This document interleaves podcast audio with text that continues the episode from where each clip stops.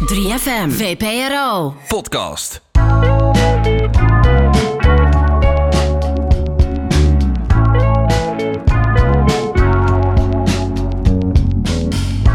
Dit is een podcast van VPRO 3 voor 12 en 3FM, waarin ik, Sagit Carter, in gesprek ga met jouw favoriete artiesten. Dit is Uncut Interviews.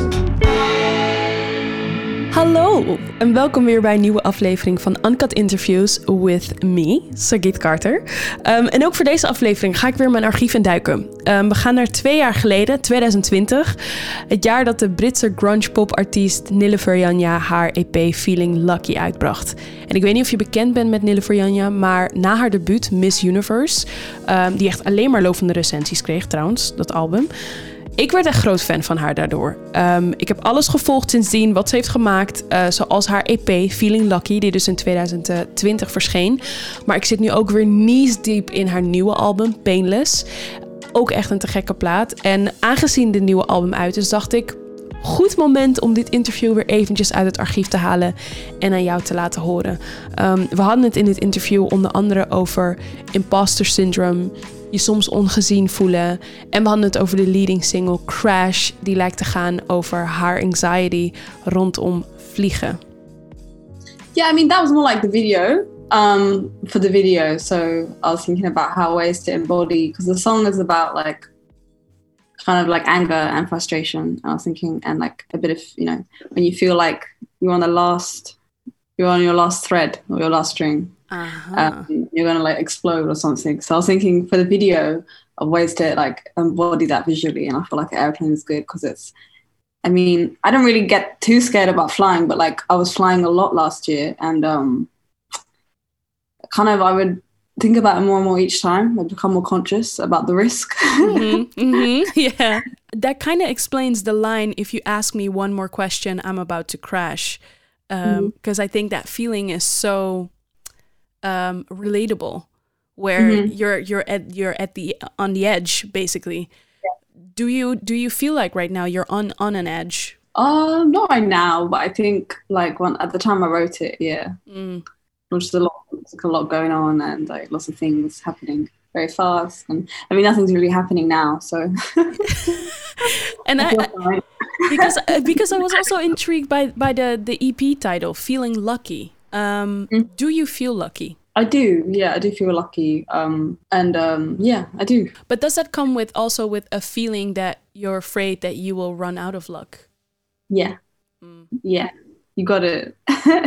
Definitely. Because it's like lucky is not like you feel like you've been lucky up to a certain point because mm. maybe you, things have gone the way you wanted to go or maybe you're doing something you've always wanted to do and then you don't know if that's really down to luck or down to you making things happen.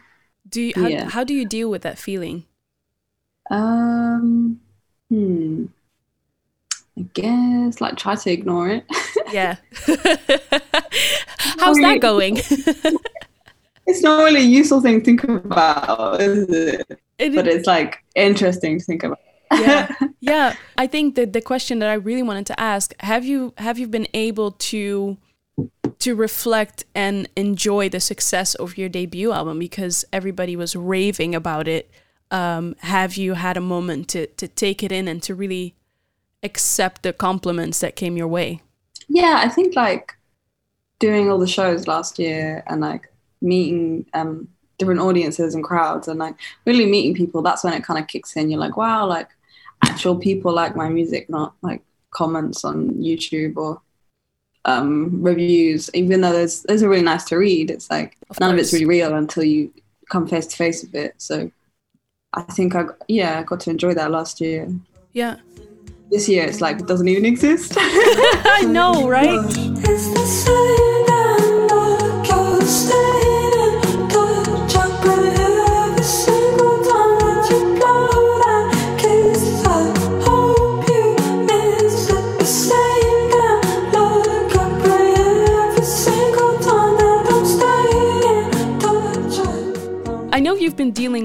With imposter syndrome, um, and I was just wondering, after releasing your debut, Miss Universe, um, did that feeling disappear? No, that's when it kind of got worse. I think. Really? How so? Um, I think because a lot of the songs when I released them at the time of the album, they were all a lot of them were quite new. Some of them were old, but a lot of them were quite new. And I think um, I was still like getting used to like playing them live and like performing and talking about them and all the time like as well people are asking you questions about it and like what it means and what does this mean? And you start to really like doubt it. You're like well i don't actually know anymore. But you're like do I even like the song? Do I even like this record? Like so i think it's all pretty natural but i think when you i think you won't have that when you already when you've already created something that you're just like 100% solid on and you know it's really good and you're really really happy with it then yeah that's kind of like my aim to to be really really happy with it. Yeah. Yeah. Yeah. That sounds like a good aim. What do you think is the biggest difference between Nilüfer, who started with Miss Universe, and Nilüfer, who's about to release her next EP? Gosh. I think I'm not as um hmm. I mean I'm trying to be less precious all the time with the, the music and less like I mean, it's weird because I know I said I wanted to make something that I'm really, really happy with, but I think in order to get to that point, you have to kind of not worry about things as much when you're in when you're in the process of making the music.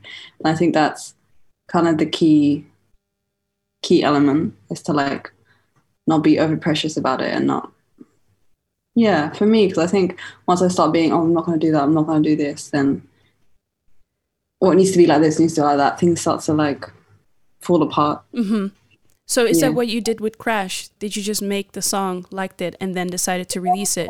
It's actually what we did with Crash. Yeah, we just like made it, um, and I kind of started it last year and finished it earlier this year. And then obviously lockdown happened, so I didn't even think about releasing it. And then it was just like a nice, kind of like a nice surprise to be able to release it. And I think maybe in the past I might have been like, oh, maybe I should save this song for something else, or maybe I should save it for the next album. But it just feels good to make something you really like and then release it, And whether that's it. an album or not. Yeah. Yeah, yeah. If you ask me one more question, I'm about to crash. If you ask me one more question,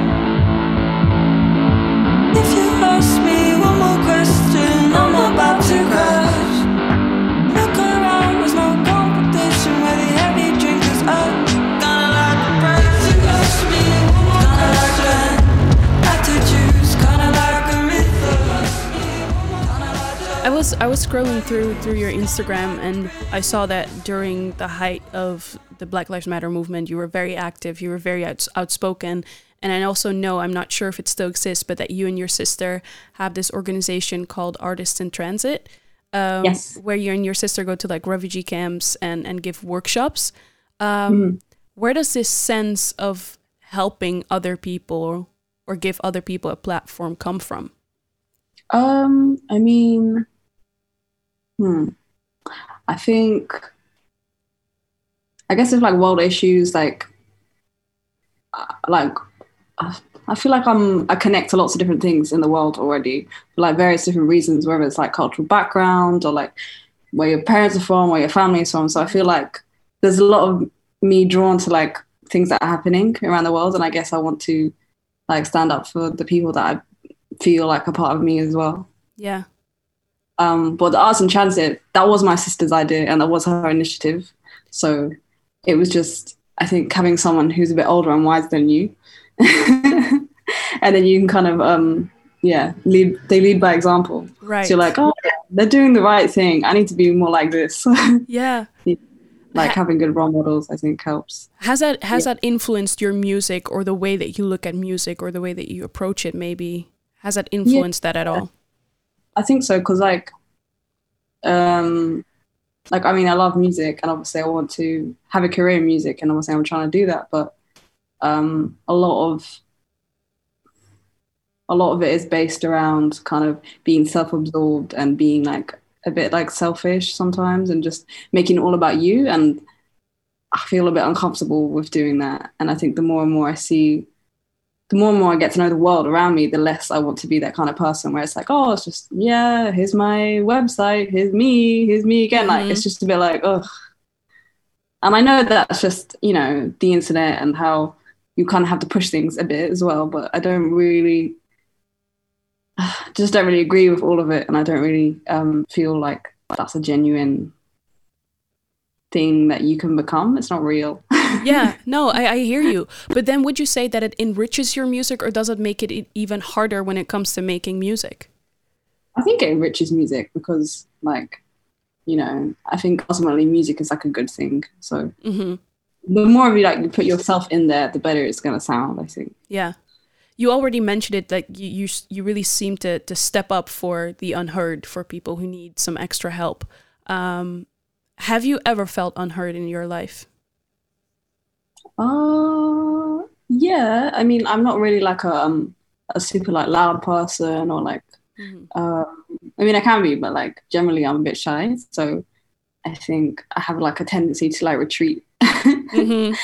I think unless you're all the time like telling people who you are and what you're doing, and ah, this is me, this is me, then like a lot of the time you just feel like part of the the furniture or the the backdrop or just someone walking down the street. Like, um, so yeah, Yeah.